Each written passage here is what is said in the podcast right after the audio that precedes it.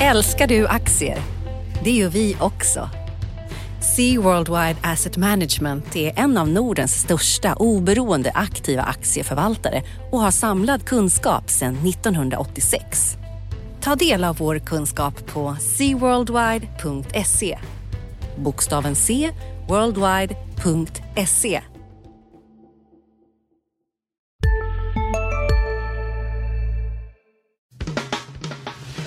Analyspodden från Dagens Industri.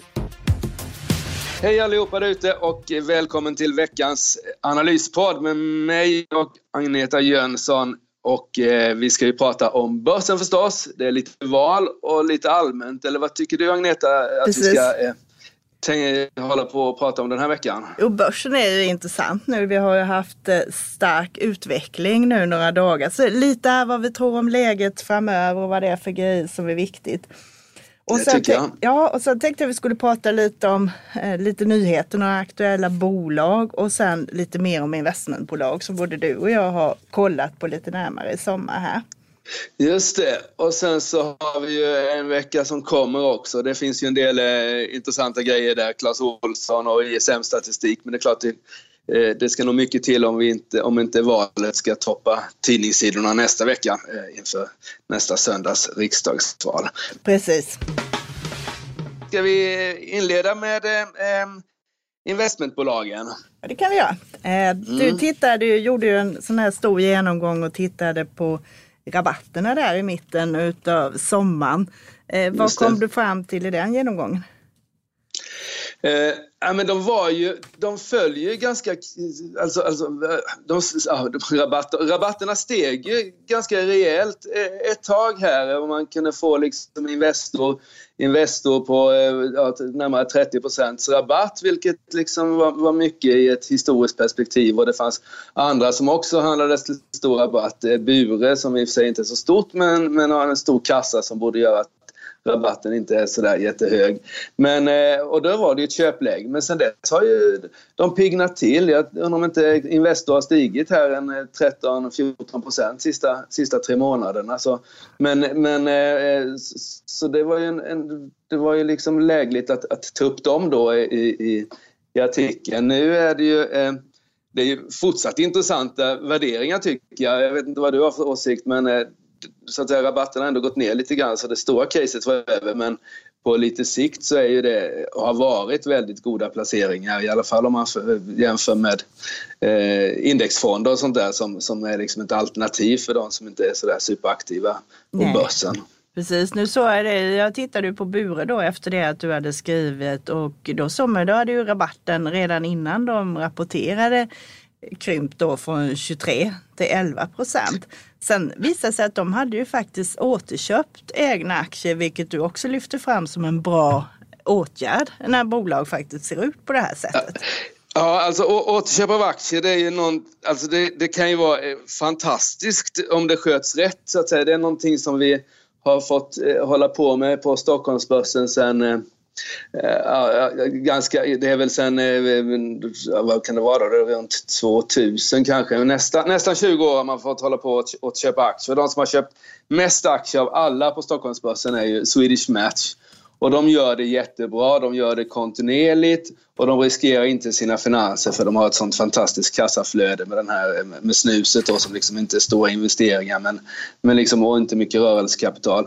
Så, och, och då ska man liksom, har man, man ska liksom alltid tänka på att finns det ett alternativ till att bygga en ny fabrik? Kan jag återköpa aktier? Men det finns ju också massvis av förfärande exempel där ute. Det senaste vi har på börsen är ju Fingerprint Card då, som när de gjorde miljardvinster eh, använde väldigt mycket pengar till att återköpa aktier och det är ju pengar som, som har försvunnit nu och som de hade haft ett stort behov av idag. ABB gjorde ju något liknande 2002 eller ja, lite innan där. Eh, också liksom eh, feltajmade och, och alldeles för aggressiva återköp. Så man ska liksom, det är klart att jag tycker att bolag, investmentbolag eller rörelsedrivande bolag ska så att säga, inleda sin analys med att fråga vad, vad, vad gör vi vad gör vi bäst av, vad gör vi bäst investeringar för någonstans? Ska vi köpa bolag eller ska vi investera i, i, eh, i, i, verksamheten? Men om man liksom utöver det har ett överkapital som, som man är ganska trygg med att kunna lämna ifrån sig så är ofta återköp av aktier en väldigt bra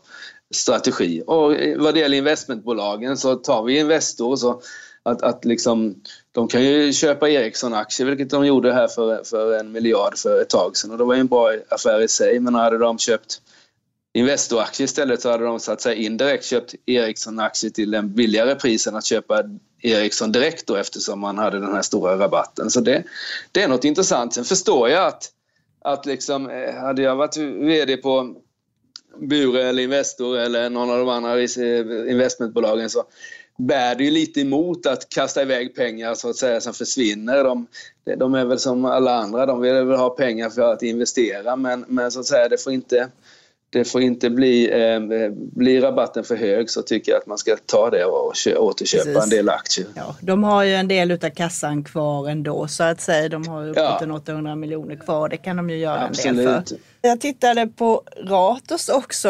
Det är inte riktigt investmentbolag utan det håller ju på att förvandlas från ett eh, private equity-konglomerat till ett industrikonglomerat får man väl säga.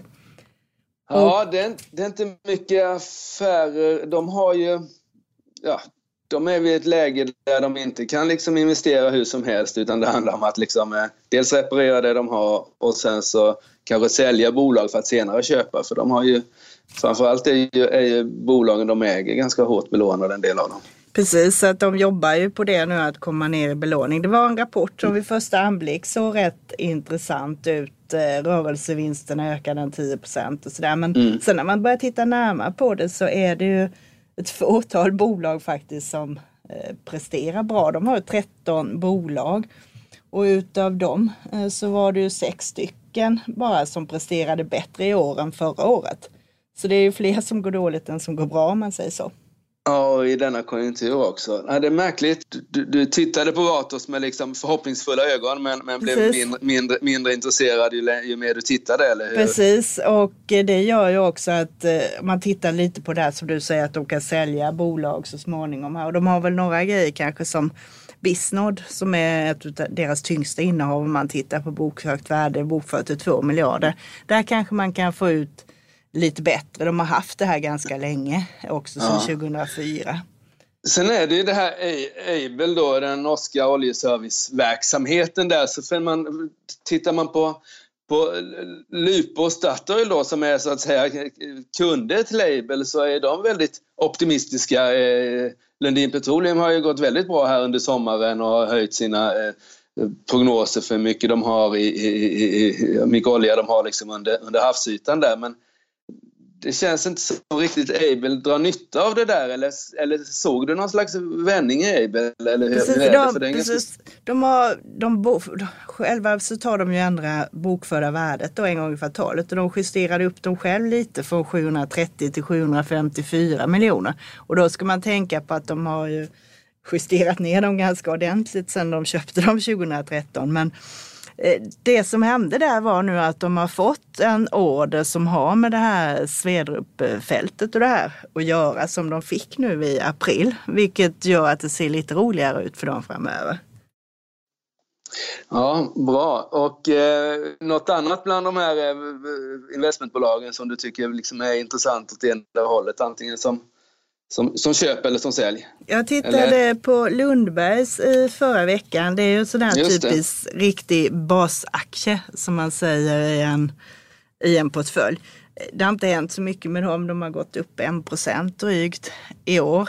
Däremot har det varit en fantastisk aktie om man tittar tio år bakåt. Då den avkastat 360 procent inklusive utdelningar medan index med utdelningar har gett 200 procent drygt. Ja. Men det är ju en aktie som inte så händer så mycket mellan varven. Nej, vad är, det de, vad, är det, vad är det de håller på med egentligen? Det är att köpa, köpa lite industrivärden-aktier och eh, investera i sina fastigheter, men de är ganska försiktiga, eller hur? Precis, det som man har är om man tittar, de har en aktieportfölj som är värd 65 miljarder ungefär. Och ja. de stora som, där de har stora ägarandelar, det är Holmen och huvudstaden. Det, så de räknas ju som dotterbolag. Där äger de ju över 60 respektive 88 procent. Så att, och det är ju då som sagt skog och papper och fastigheter. Och sen har man en eget fastighetsbolag som är med fastigheter för 20 miljarder som är ganska försiktigt belånade. Så tar du bort lånen i fastigheterna så är det ett värde på 14 miljarder. Och det gör ju också som du säger att eh, fastigheterna är belånade till 27 procent om man bara lägger lånen där. Men skulle man smeta ut lånen över hela bolaget, över hela portföljen så är det bara en 6 procents belåning. Så det är väldigt försiktigt.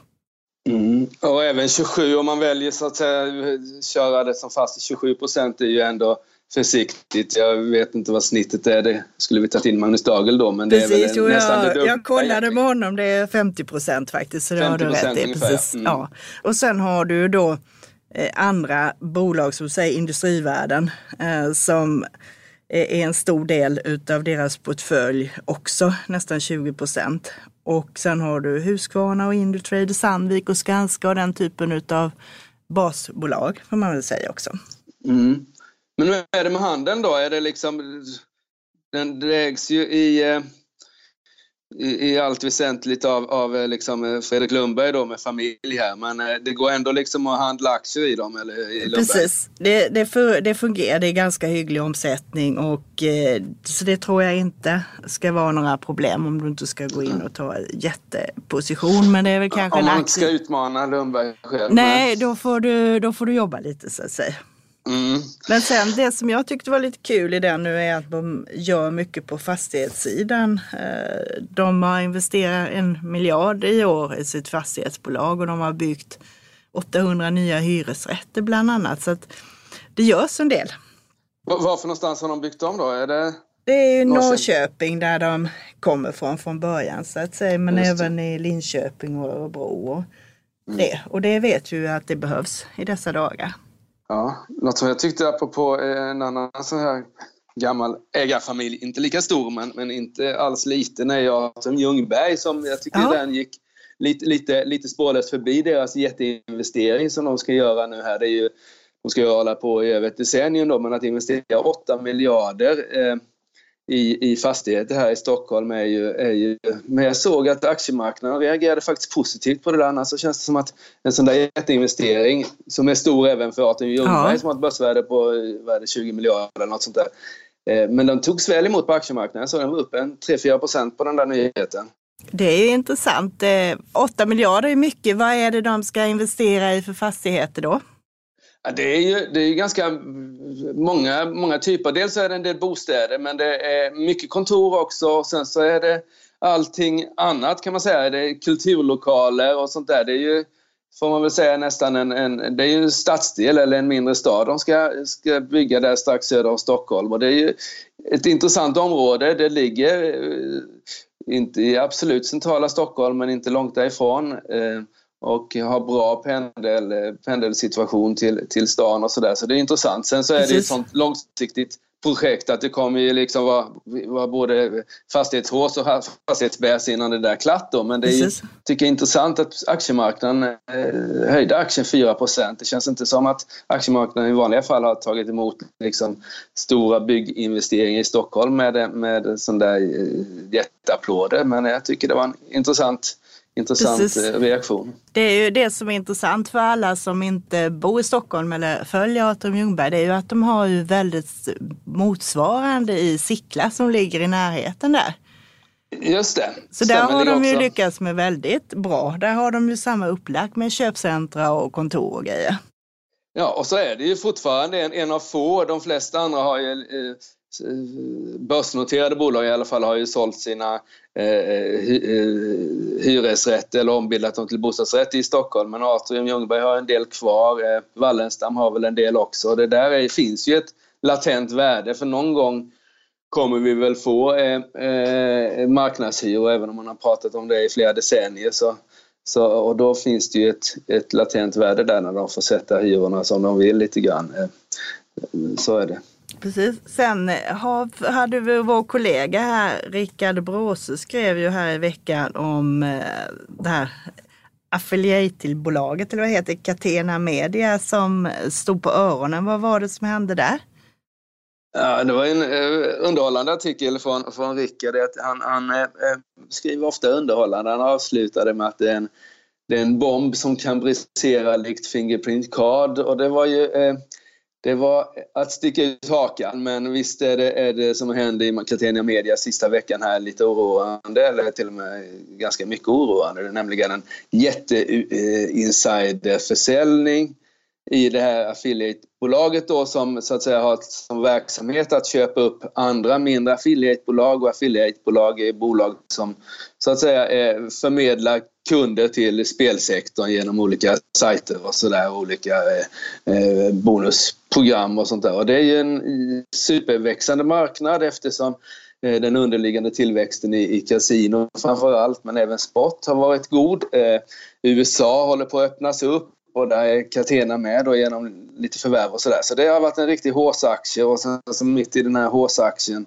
så kommer då en utförsäljning från grundarna på 400 miljoner kronor. Och det är klart att om du och jag hade fått 400 miljoner kronor sådär i, i, i veckan så hade man ju liksom inte kanske ägnat lika mycket tid åt nästa artikel som man, eller åt, åt, åt kommande artiklar som man har gjort åt de tidigare. Och det är klart att det är ju allt annat lika inte alls bra att man är, att, att en storägare så att säga cashar hem på det sättet. Och just i ett sånt där bolag, alltså det sker ju insiderförsäljningar då och då men, men i det här bolaget som är så pass nytt på börsen och marknaden är så pass ny och vad ska man då liksom vägledas av? Jo, det är ju mycket storägaren och sådär och när de överger bolaget förstår jag att det är många andra som överger bolaget. Så aktien följer.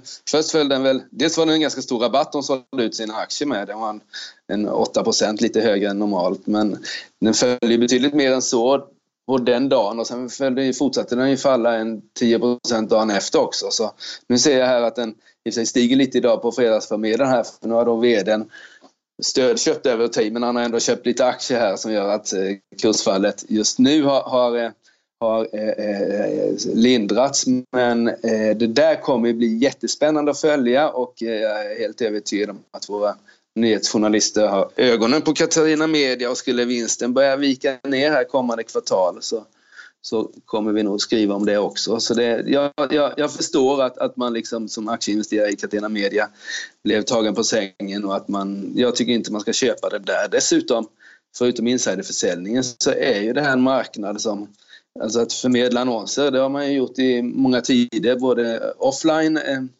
och online som Tradable exempelvis. Och det är ju en bransch som kanske inte ska ha de marginalerna som Catena Media har just nu och även Better, Better Interactive som är ett, som är ett liknande bolag då som kom in på börsen nyss. Precis, så det är en signal man ska ta på allvar i det här fallet då? Ja, det tycker jag. Det tycker jag.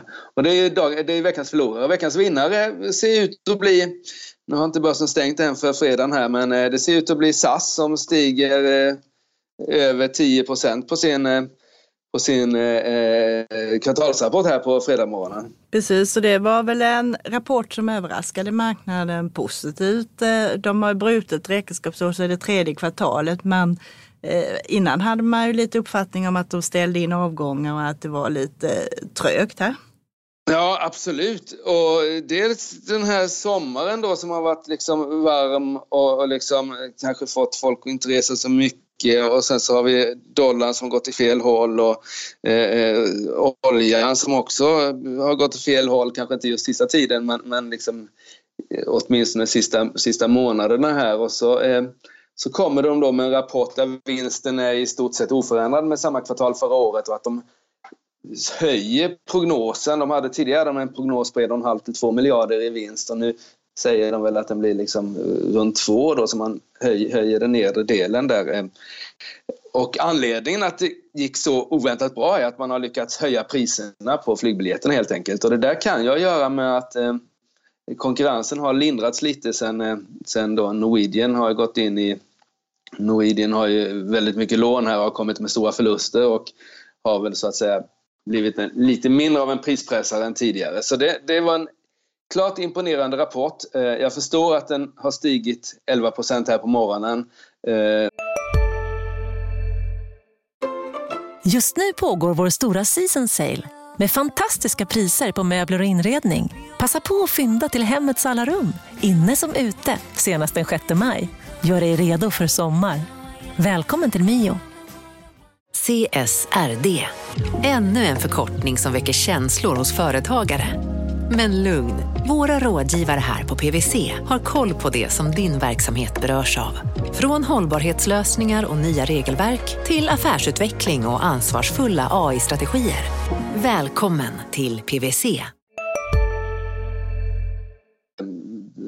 Det är väldigt lågt värderat sett till liksom P tal fortfarande trots dagens uppgång och den har ju varit uppe på en 25 28 spänn tidigare för ett år sedan ungefär och den kan nog börja klättra lite efter den här rapporten, det tror jag ju.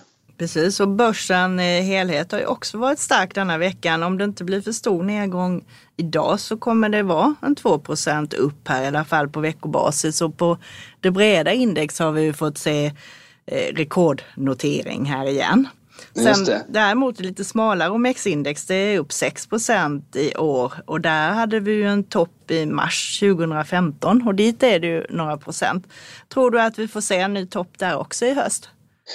Ja, det är intressant att OMX30 eh, slackar efter eh, det breda indexet som det gör här och det Tittar man på liksom hur indexet är uppbyggt, OMX30, det är det som man liksom i vanligt fall, eh, åtminstone håller till på marknaden, så är OMX30 man tittar på. Liksom. Men vi tenderar att titta på eh, eh, OMX, eh, ja, All Share Index då. Men, eh, men eh, ja, det är ju H&M och bankerna som har, liksom, som har gjort att, att OMX30 går så mycket sämre än, än ett bredare index.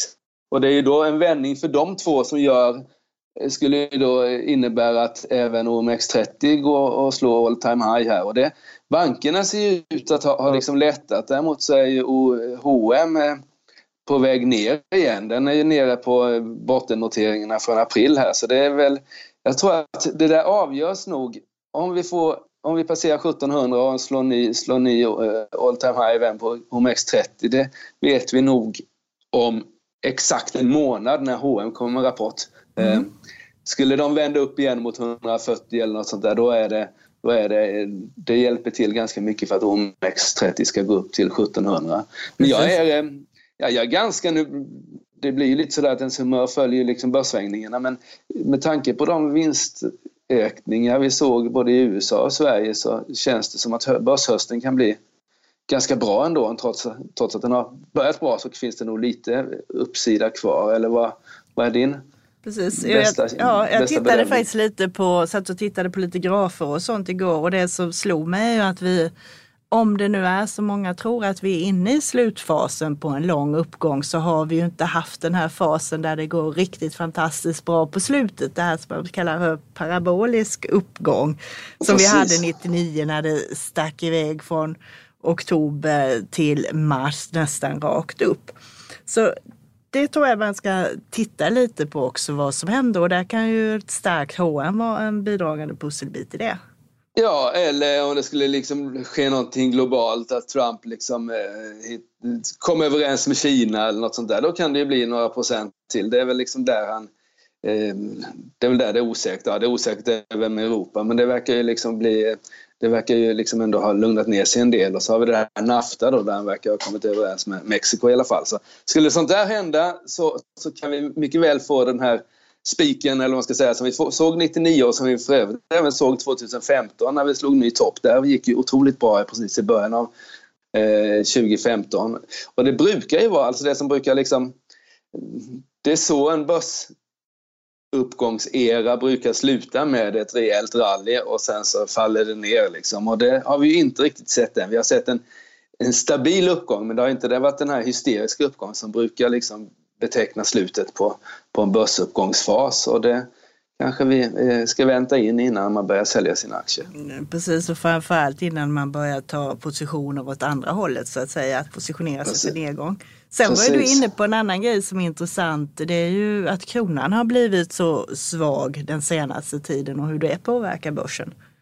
Ja, och det gör det. Och den påverkar börsen att börsen Kronförsvagningen i sig kan man ju se liksom, jag vet att eh, jag satt i tv-studion med Henrik von Sydow på Carnegie, han sa ja, krisvärdering av kronan och det är det ju då fast det är ju inte någon en sån svag krona är ju inte kris för börsen, tvärtom. Det stimulerar ju börsen eh, eftersom eh, vi är en export, exportberoende, ett exportberoende land och mycket av börsbolagen fortfarande gynnas av en svag krona så gör ju det att eh, att, att eh, börsen stiger när, när kronan faller. Om det inte skulle liksom gå till överdrift och det liksom är någon finanskris som 2008, då är det en annan femma. Men, och det är ju intressant och det som jag tänker på eh, när det gäller kronan då framförallt ja, mot både dollarn och euron, men om vi tar euron då så är det ju delvis kan det ha att göra med valet här eh, nästa söndag.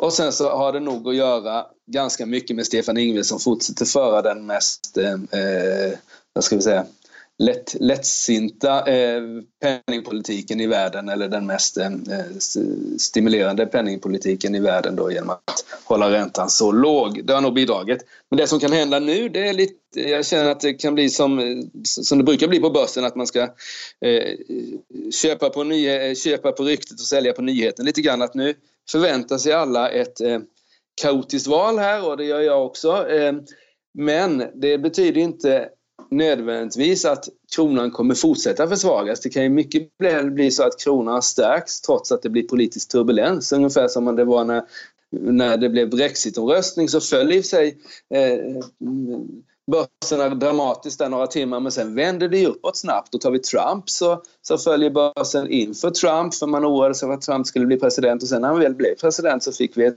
ett, ett, ett börsrally egentligen. Så det kan mycket väl vara så att det är fel att sälja kronan nu för att det kommer bli politisk kaos för man, marknaden har redan tagit ut det där på något sätt. Så när valet är över så blir det lite lugnare och då har vi en starkare krona och då bör vi ha en något litet svagare börs men inte, inte så mycket. Men skulle liksom kronan vända och stärkas här så kommer vi väl få se lite, lite sämre börs i Stockholm.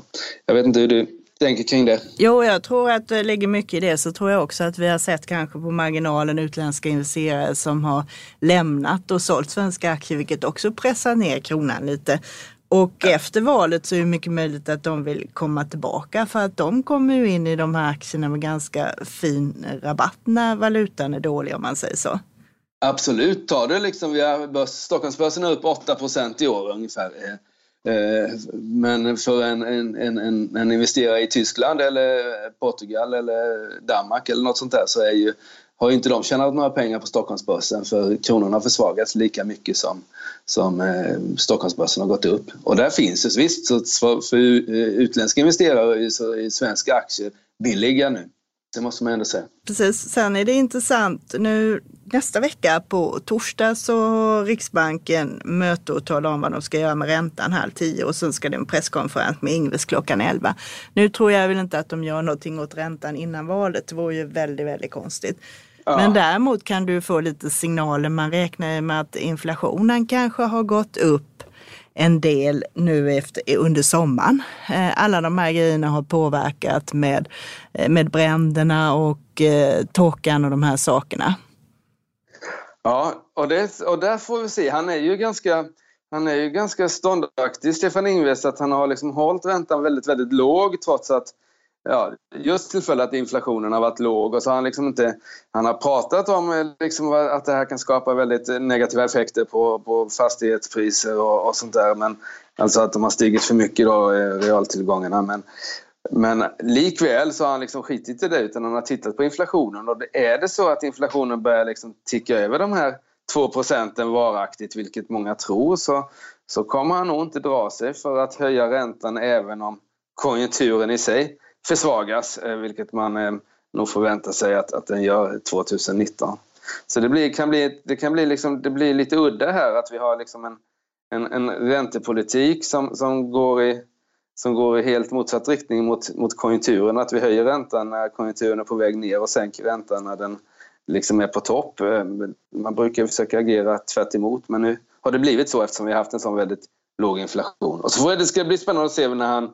Eh, Ingves har ju liksom gillat den här svaga kronan men det är klart att nu börjar den bli så svag så att den kanske får, får ganska stor effekt på inflationen. Då får vi se. Så det där blir ju också en fråga om man nu vågar svara på den vad han tycker är en, en eh, lämplig kronkurs då. För nu är den ju på tio års lägsta eh, kronan mot euron i alla fall. Precis, men om vi återgår till det här med börsen så har vi ju sett flera andra rekord också. I USA, standarden på 500-index gjorde ju nytt all time high nyligen här. Och vår kollega Magnus Dagel tittade ju på det där med värderingarna. Ett sätt, ja, ett sätt att titta på det är ju att se hur försäljningen värderas på börsen om man tittar på bolagens försäljning. Det som kallas för PS-tal, så att säga, aktiekursen i relation till försäljningen. Och det går ju också att göra på indexnivå då. Mm. Och det han kom fram till där är ju att vi är på samma nivå som vi var då när det toppade där 1999, det vill säga runt 2,2. Och sen gick det ju ner ut för att vara nere på strax under ett när det var finanskrisen och nu har det jobbat sig uppåt igen här. Så att det är en grej att titta på. Men samtidigt ja. så är bolagen mer kassor nu. Då var de ju mycket mer belånade och skuldsatta. Så tar man bort eh, det och tar hänsyn till nettoskuldsättningen och tittar på det här värdet istället som man kallar för EV sales, det vill säga att justera börsvärdena med nettoskulden så blir det då 3,2, 99 och 2,5 nu. Vad tycker mm. du om det där? Ser det oroande ut eller är det bara en grej att hålla ögonen på?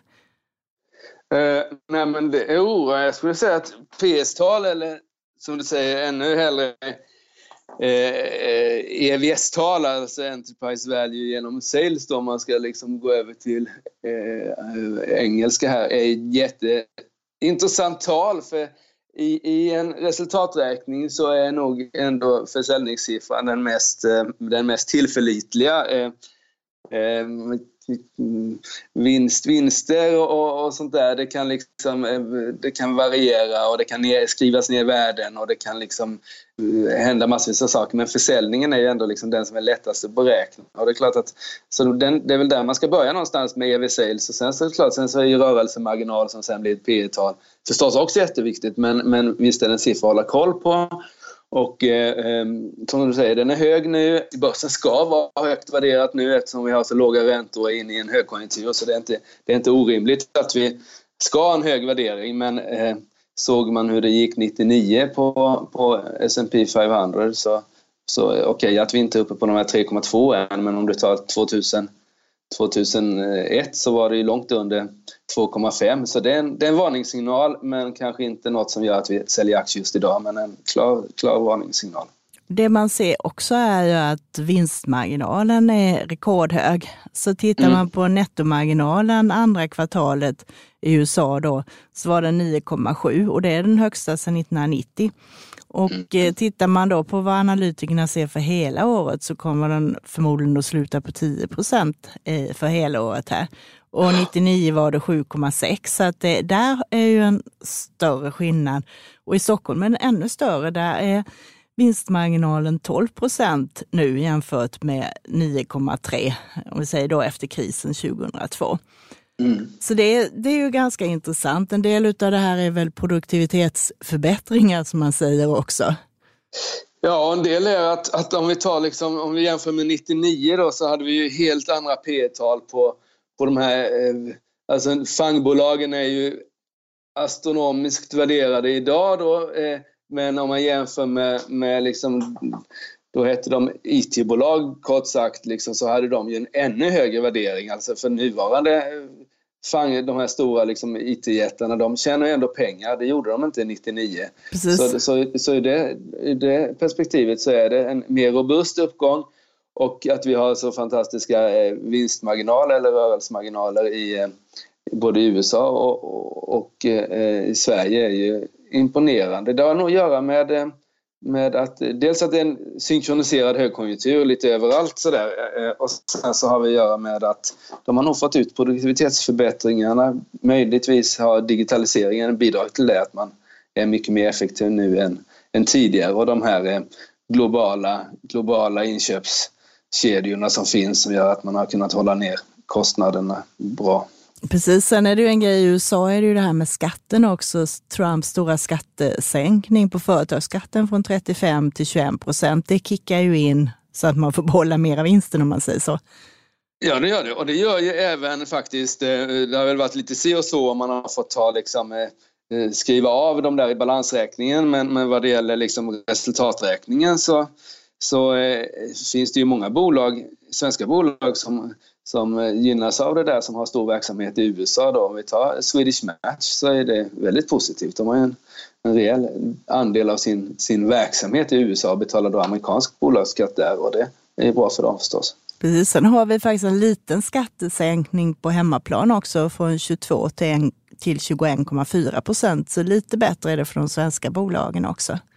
Just det, och så får vi väl se vad som händer i, i valet här om det. Vad som händer med skattepolitiken. För det som folk eftersträvar är ju, eller efterfrågar är ju en, en, en översyn av hela skatte, skattepolitiken. Och det tillhör jag de som tycker att det ska man absolut göra. För nu är det Eh, ja, sen den stora skattegenomgången 88-89 så har det gått 30 år sedan. Och det har ju liksom adderat skatter lite överallt. Så man borde liksom ta tag i det där. Och då tycker jag ju att, att eh, eh att eller vill säga, eh, ränteavdraget är en sån där sak som man borde liksom fasa ut nu när, när räntorna är så låga. Och det skulle man kunna göra lätt genom att exempelvis höja, eh, sänka marginalskatten eller höja brytpunkten eller något sånt där som gör att befolkningen ändå klarar av den här ökade kostnaden som det innebär. Ja, och det är ju också det har ju blivit lite av ett lapptäcke som du säger, så att man har ju kommit ifrån den här intentionen att det ska vara symmetriskt och att det ska vara enkelt och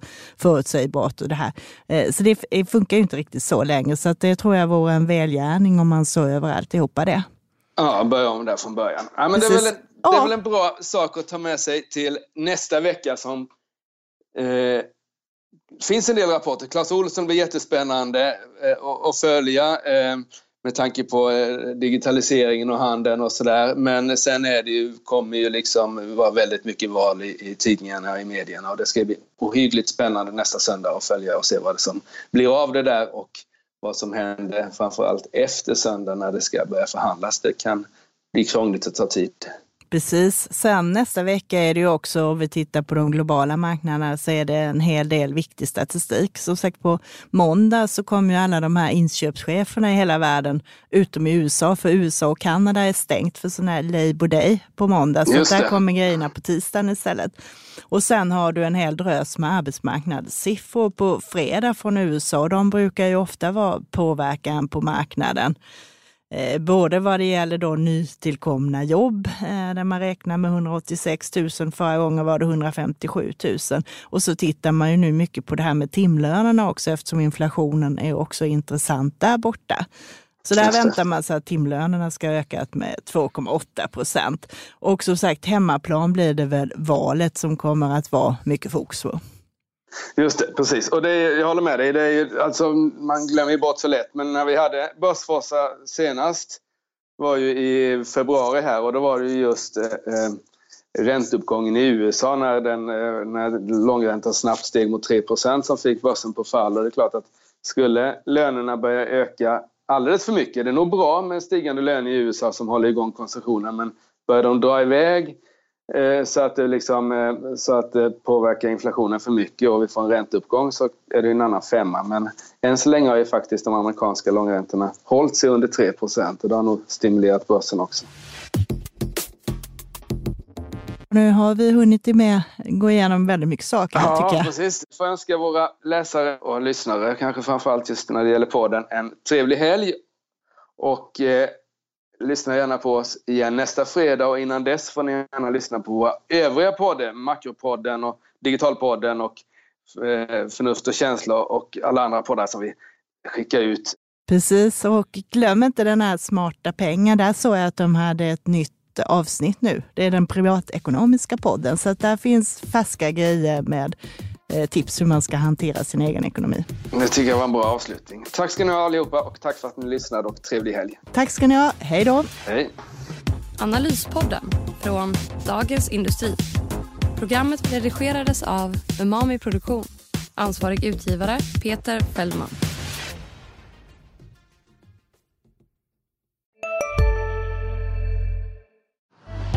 Älskar du aktier? Det gör vi också. Sea Worldwide Asset Management är en av Nordens största oberoende aktiva aktieförvaltare och har samlad kunskap sedan 1986. Ta del av vår kunskap på seaworldwide.se. Bokstaven C, worldwide.se